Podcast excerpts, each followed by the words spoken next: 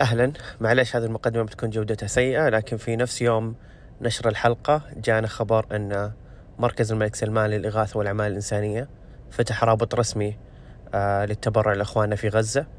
فهذا أفضل مكان ممكن نقول فيه تبرعوا. علموا أهلكم علموا أقاربكم آه علموا كل أحد يقدر لو أنتم ما تقدرون. ومو بعيب إنك ما تقدر ادعو لهم وانشر الرابط في كل مكان في الوصف ما راح يكون في أي شيء إلا هذا الرابط رابط منصة ساهم من مركز الملك سلمان للإغاثة والأعمال الإنسانية يعطيكم العافية الحين استمتعوا بالحلقة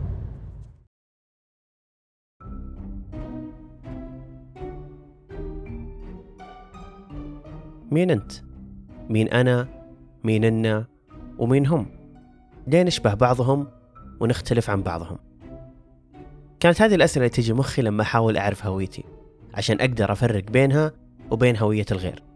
في صراع دائم ما بين هل هويتي فردية ولا جماعية؟ هل صدق أمثل نفسي ولا أمثل شيء كبير أنا ضمنه بدون ما أحس؟ في هذه الحلقة من عقل غير هادئ بنحاول نعرف وش هي الهوية. ليه لها أزمة وكيف نحافظ على هويتنا من أنها تضيع؟ بسبب اللي سميناه بالحلقة التناسخ الثقافي. وهو لما العالم صار واحد وهويات الشعوب تداخلت بسبب العالم الكبير اللي اسمه انترنت. وصرنا إنسان مقتبس بين علامتين تنصيص. البشر يحتاجون ينتمون. والانتماء هو اجتماع مجموعة من البشر على هوية معينة يتكئون عليها في تعريفهم لذواتهم. هذا الشعور مريح. مريح جدا إنك تحصل مجموعة تنتمي لها وتعرف نفسك من خلالها. الذكريات والتجارب والعلاقات والقيم أشياء تساعدنا في تكوين هويتنا وإحساسنا بذواتنا. الهوية فعل جماعي مرتبط بالأديان والقيم السياسية والاجتماعية أو حتى اللغة المشتركة. الموضوع يخصنا داخل منظومة كبيرة اللي هي المجتمع. بس بعد الهوية داخلها هوية صغيرة مو مرتبطة بالجماعات. كيف؟ في أحيان كثير هويتنا تجاه أنفسنا ما تتناسب بالضرورة مع هويتنا خارج أنفسنا سواء بعيون الناس أو بعيوننا إن لما نتفاعل مع الناس. ونكتشف أن لا إراديا فصلنا نفسنا عن هويتنا الحقيقية واستبدلناها بهوية أخرى تتناسب مع المحيط. لكن مو بالضرورة هذا شيء سلبي. دايم أقول أن الطبيعي هو أن عندك مجموعة هويات تستخدمها بالوقت المناسب في المكان المناسب. وقص على الكثير من الأشياء. أسلوب الحياة الإيمانات المبادئ والعادات الخاصة فينا كأفراد كلها عناصر قابلة تخلينا ندخل في دوامة التشكيك بهويتنا. لو ما عندنا تعريف واضح لها داخلنا. هويتك مع نفسك هي الحقيقية بدون فلترة. بس في عدة هويات يمكن تعيشها بوقت واحد يوميا وهذا اللي يخليك تتشتت بأيهم أنت وأيهم غطاء لحقيقتك. هويتك مع عائلتك كابن هويتك مع شريك حياتك كبنت أو شريكة حياتك كولد. هويتك كطالب كموظف كمواطن حتى هويتك بالسفر. لما لازم تتناسب مع المكان اللي سافرت له. فلازم تدور الهوية الوسطية اللي تتناسب معك ومعهم. وهذا مو بتناقض مو بجنون. الموضوع هو وش أقدم وإيش أخر لما نحط بواقف زي هذه؟ لأن أحيانا غلط تمارس نفسك بزيادة بنطاق ما ينفع فيه تمارس هويتك الحقيقية. طيب مو بقلنا الهوية هي مجموعة من الذكريات والتجارب والعلاقات والقيم؟ طيب لو اختل واحد من هذه العناصر لو حسيت إن ذكرياتك وتجاربك وعلاقاتك فيها تصادم مع محيطك وش يصير لهويتك؟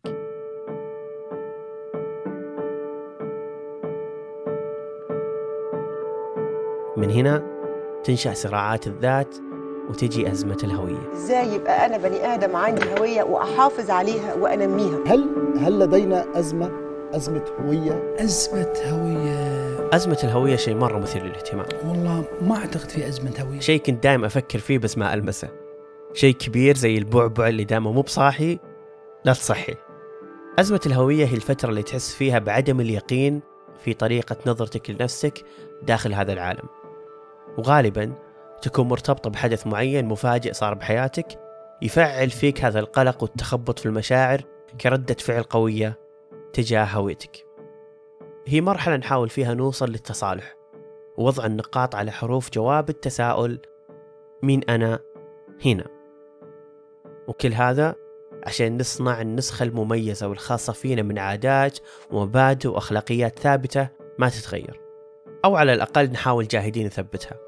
لأن الإنسان متقلب وصعب عليه أنه دائما يكون قوي في بعض الأمور. فالمرونة مطلوبة وطرق من طرق علاج أزمة الهوية. إريك إريكسون عالم النفس التطويري معروف بنظريته عن مراحل النمو النفسي الاجتماعي اللي لخصها في ثمان مراحل وأحدهم كان مرحلة اكتساب وصقل الهوية مقابل أزمة الهوية. يقول إريك في نظريته أن مرحلة النمو هذه مرتبطة بعمر محدد يبدأ من عمر 12 إلى 18 عام لما تكون اللحظة المفصلية في انتقالنا من الطفولة للمراهقة ولما قبل النضج والرشد. لما نحاول نحصل الأرض اللي نتكئ عليها عشان نعرف بأنفسنا كأشخاص مستقلين في أفكارهم. بس ما أتفق مع بذا الشيء شوي. أشعر أن التصادم ما بين الهوية وأزمة الهوية شيء قائم وتجذر فينا كبشر. وعملية متكررة مع كل مرحلة انتقالية في حياتك. الصراع هذا دائم ومو بمرحلة نمر فيها وتختفي. الهوية شيء كبير داخل مليون شيء من الأمور المتداخلة عشان تصنع النتاج النهائي داخلنا كبشر. الموضوع أكبر من مسألة ربطة بمرحلة عمرية تحدد فيها هل عندنا هوية واضحة أو مضطربة. ممكن يجيك أزمة هوية في البيت ما بين أهلك اللي ممكن ما توافقهم بأمور كثير. ممكن يجيك أزمة هوية في مدرستك وبين أقرانك المختلفين عنك بالجامعة واختيار التخصص أو التخرج اللي يصفقك بكف لما تشوف الواقع والناس خارج حدود الدراسة. مثلا عشت أحد أزمات الهوية لما كنت في الجامعة لما كنت في وسط هويات زملائي بالجامعة وكيف نقاشات كثير كانت تخليني أحس إني مدري مين أنا ما بينهم. وهذا لا يعني بالضرورة أن آراهم هوياتهم كانت غلط لا بالعكس تماما بس كانت ما تتناسب معي ومع مرجعياتي الثقافية وعاداتي وغيرها. فعرفت الجواب وقتها وهي أننا كلنا مو بمرجعنا واحد فعادي كل واحد فينا له هوية ما تشبه هوية اللي جنبه. وهذا خلاني أطمن وارتاح تجاه نفسي وحتى تجاه عرض نفسي للغير في الحياة ككل.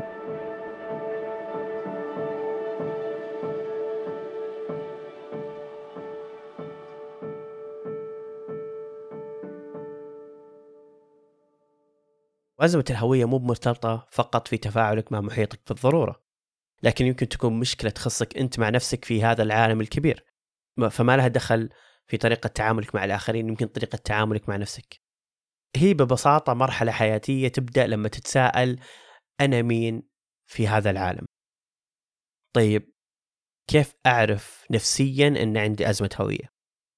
بشكل طبيعي راح يكون في تدني بتقدير الذات وعدم وضوح قيمك والتشكيك فيها.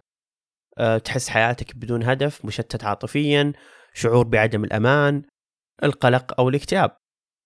وهذا شيء حقيقي وما في لعب. الاكتئاب مرتبط بشكل كبير بأزمة الهوية. لأن مسألة البحث عن هويتك وشخصيتك الخاصة موضوع يتطلب قرارات قوية تحدد مصيرك اللحظي والمستقبلي. تحتاج طاقة كبيرة مع هذه القرارات المتتالية اللي ممكن يكون خارج نطاق مقدرتك على تحملها. وهذا يدخلك بدوامة من الأعراض اللي قلناها قبل شوي والدخول فيها أسهل من الخروج منها.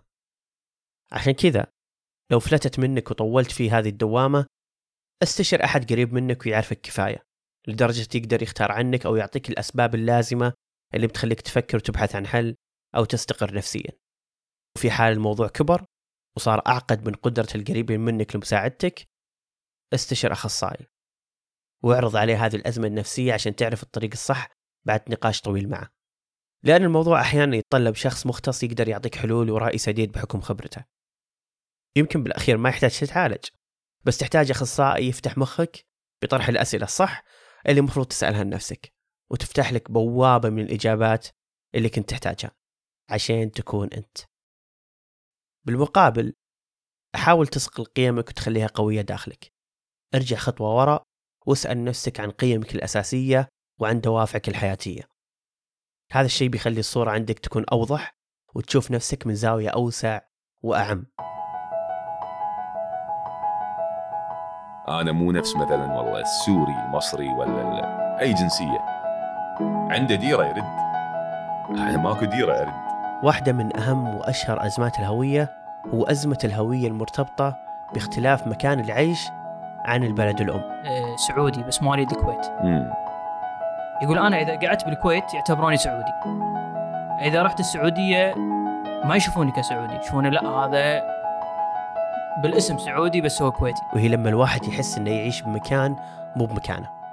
وما يدري يعرف نفسه بإيش من كثر ما عنده هوية بأكثر من مكان ينتمي له بنفس الوقت.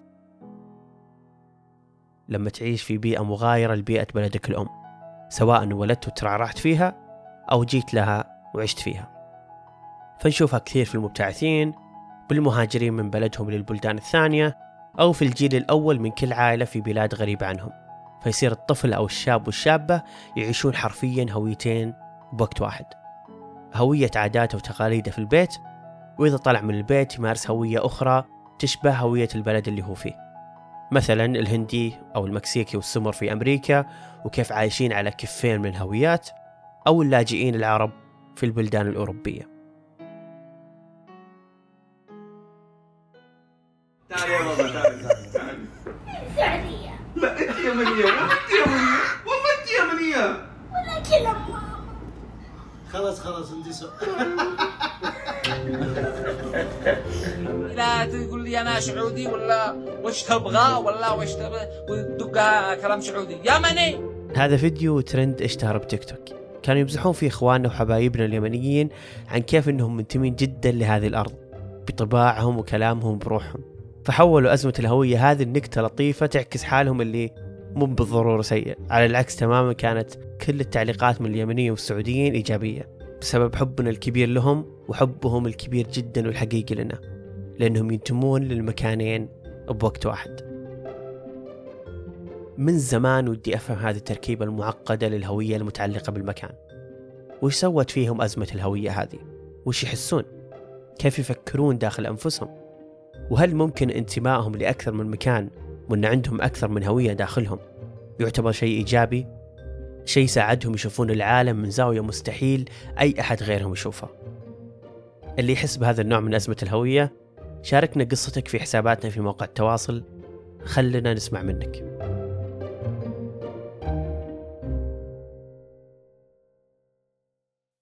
تعتبر اللغة واحدة من أهم العناصر اللي تتغلغل بالهوية. لأن كونك المصدر لها يعني أن لك تحكم كبير في نقل هويتك للعالم. لأن اللغة مو فقط أداة تواصل روح أهلها تنتقل لك بشكل غير محسوس. والدليل أنك غالبا بتميل للتعاطف مع أصحاب هذه اللغة لو تعلمت لغتهم. اللي يحبون اليابان ويتعلمون لغتهم بيصيرون يشبهونهم في وقارهم وأدبهم. اللي يتعلمون كوري بيصيرون لطيفين في تعاملهم. ولو أخذنا الإنجليزية كونها اللغة الأم للعالم اللي يتكلمون إنجليزي مو بس يتكلمون إنجليزي هم يتقمصون طباع وشخصيات أصحاب اللغة بدون يحسون ويكونون أكثر علم وتعاطف وتضامن مع قضاياهم. تلقاهم حتى في ذوقهم الموسيقي والأدبي والفني يميلون للإعجاب بإصدارات اللغة هذه. يحسون في ارتباط ما بينهم وبين الآخر من نفس اللغة. صارت اللغة تصدر قضايا أصحابها بسهولة. تحسك لازم تشعر بشعورهم وتتضامن مع قضاياهم ومشاكلهم. صار ودك تحط في ال bio BLM Black Lives Matter عشان تتعاطف مع قضية أصحاب البشرة السمراء لما صارت المظاهرات في أمريكا قبل كم سنة. مع أن القضية مو بقضيتك ولا تمسك بشكل مباشر وحتى لو في مشاكل سعودية وعربية من هذا النوع في التمييز بين الأسمر والأبيض دواعيها غير جدا عن دواعي التمييز في أمريكا. وهذا لا يعني أنك ما تتعاطف معهم بالعكس مهم تعرف عنهم وتعرف تفاصيلهم وتتمنى لهم الخير. بس أحس صرنا عالم صغير متداخل في بعضه لدرجة تلاشت هويتنا وصرنا نشبه مليون جماعة بالعالم وما نشبه أنفسنا. وأحيانا ما نلتفت للقضايانا الكبيرة بس نلتفت لقضاياهم الصغيرة. وافهم يا فهيم. وهذا اللي سميته التناسخ الثقافي. لما تميل للأخذ من الغير وترك ثقافتك الخاصة من كثر انفتاحك على هذا العالم. وهذا يمكن بيوم من الأيام يوديك لمرحلة الانسلاخ من نفسك بس عشان تصيرهم. ما أصارعك؟ بالعكس جدا. لو ما تعلمت الإنجليزية فأنت متأخر جدا جدا جدا عن العالم لأنها ببساطة لغة العلم والتعلم. وحتى تصديرهم لفنهم وقصصهم الأدبية والسينمائية يعتبر شيء لازم نستفيد منه. لكن أرفق شوي واسأل نفسك مين أنا؟ قدام هذا الكم الهائل من الثقافات المتشربكة مع بعضها.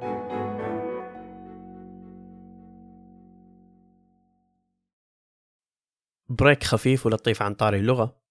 آه، أذكر قبل فترة جلست أناقش أحدهم أني مرة حزين أنه مو بجالس أقرأ النسخة المكتوبة مباشرة من هاروكي موركامي غثيتكم فيه بس يستاهل.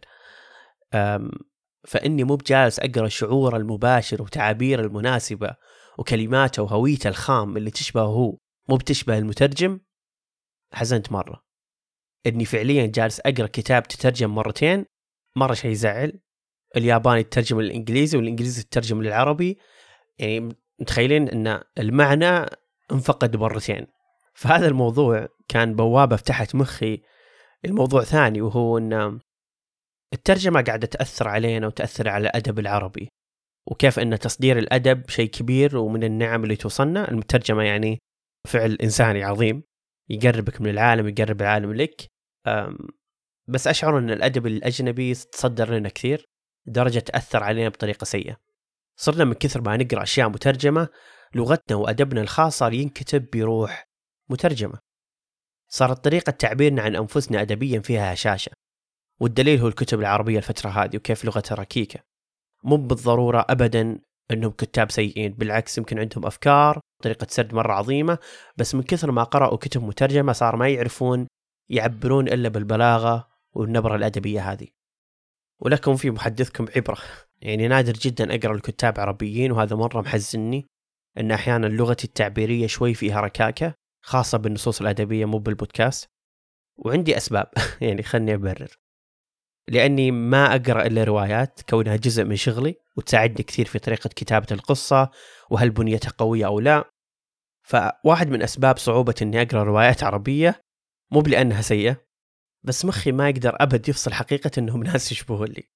فيصير شوي غريب بالنسبة لي ويخلي القراءة نقدية دبل. يصير حكمي أقوى لما أحلل الموضوع من ناحية المبادئ والقيم لنا كعرب أو سعوديين. فأستنفر شوي أو أكش لما الكاتب ياخذ راحته ويتجاوز القيم العربية. على عكس الكتب المترجمة اللي أصلا ما أرجي أي شيء من كاتبها. لو يسوي اللي يسويه أنا مشغول ومركز بالقصة ومسارها. لأن القيم الخاصة ما تعنيني أبدا حتى لو تكلم عن الجنس. بس من العرب ما أتقبلها أبدا كونها متعلقة بشخص يشبهني ويمتلك غالبا نفس خلفيتي الاجتماعية. يعني يعني أتقبل التصرفات الغلط من بطل القصة جون ولا أتقبل أقرأ عن بطل القصة راشد اللي مخرب الدنيا.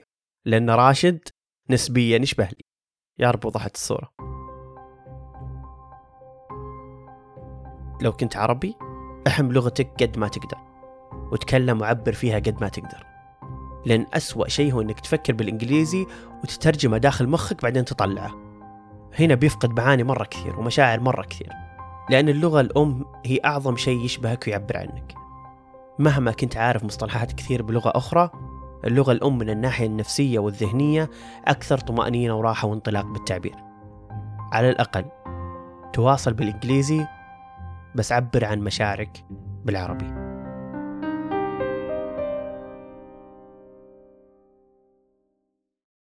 في مصطلح قريب عرفته وهو التراث الثقافي غير المادي.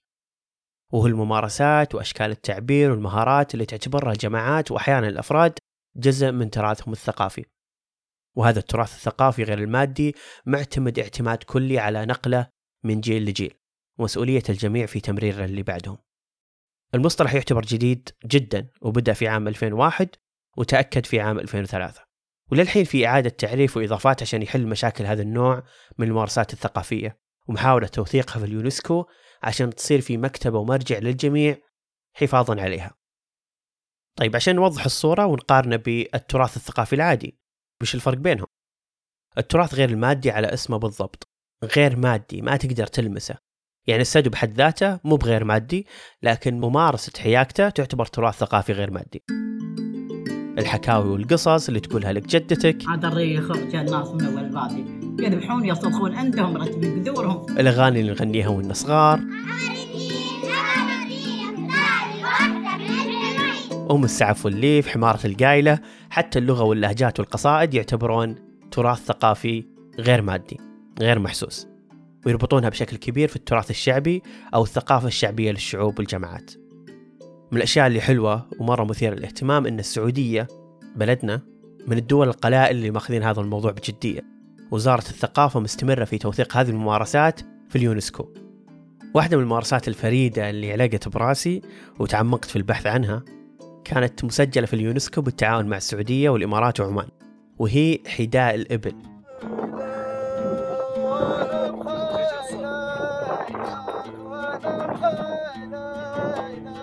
أحد التعابير الشفهية العظيمة في تراث المملكة وهي الأصوات اللي يمارسها رعاة الإبل عشان يتواصلون معها.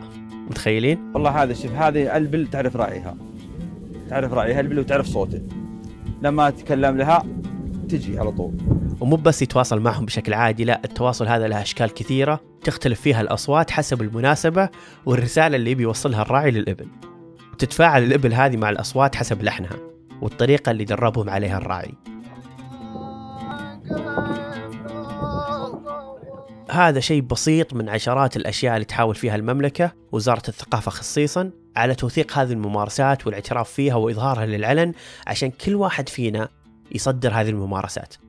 مو شرط أن نمارسها لكن بالاحتفاظ فيها داخلنا ومعرفتنا العميقة أن هذا إنا وهذا مرجعنا والحكاية عنها كأداة لتخليدها. زي ما نسوي الحين بالبودكاست إن خلدنا الحين حداء الإبل. لأن هذه مشكلة تواجه التراث غير المادي في العالم كله. كل الدول تعاني من هذا الشيء لأنه شيء متعلق بالبشر بشكل مباشر. إذا تركوه يعني ببساطة اختفى. مو شيء فيزيائي تلمسه وتحافظ عليه وتشوفه قدام عينك وتصونه. زي الأحافير والنقوشات والتماثيل مثلا.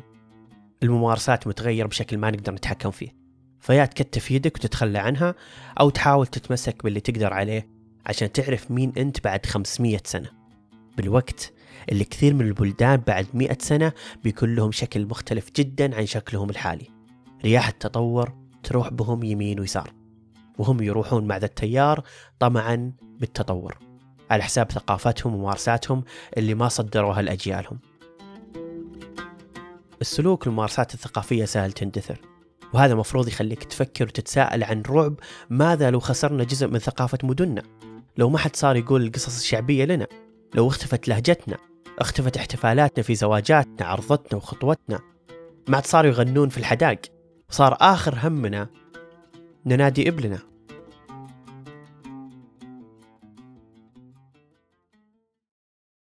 I call this the illusion of continuity. And I think one reason this happens is that when we look backwards, the contrast with our prior selves to who we are today is so clear. We can see it so clearly that we have become different people. When we look forward, we can imagine ourselves being a little older, a little grayer, but we don't imagine fundamentally that we're going to have a different outlook or a different perspective, that we're going to be different people. هذا بودكاستري المفضل مقدم بودكاست هيدن برين شانكار في دانتوم. كان يتكلم عن شيء سماه وهم الاستمرارية. وهو الحالة اللي يكون فيها غير قادرين على استيعاب أننا بنتغير في المستقبل. مدركين أن العالم بيتغير تماما بس ما نقدر نتخيل نفسنا نمتلك وجهات نظر مختلفة مبادئ مختلفة وطباع وزاوية فكرية مختلفة. بس بالحقيقة غير. طالع نفسك قبل ثلاث سنين. وش الأفكار اللي تغيرت تماما؟ وش المبادئ اللي ضعفت والأخرى اللي نضجت هل كنت بوقتها تعتقد أنك خطأ وضعيف تجاه رأيك؟ هل كنت مدرك أنك أقل نضجا أقل معرفة وأكثر تمسكا في مبادئك وأفكارك؟ كيف كان شكل دفاعك عن فكرة تغيرت الآن كليا؟ هل أولوياتك اللي سعيت لها قبل واعتقدت أنها محور حياتك هي نفسها أولوياتك الآن؟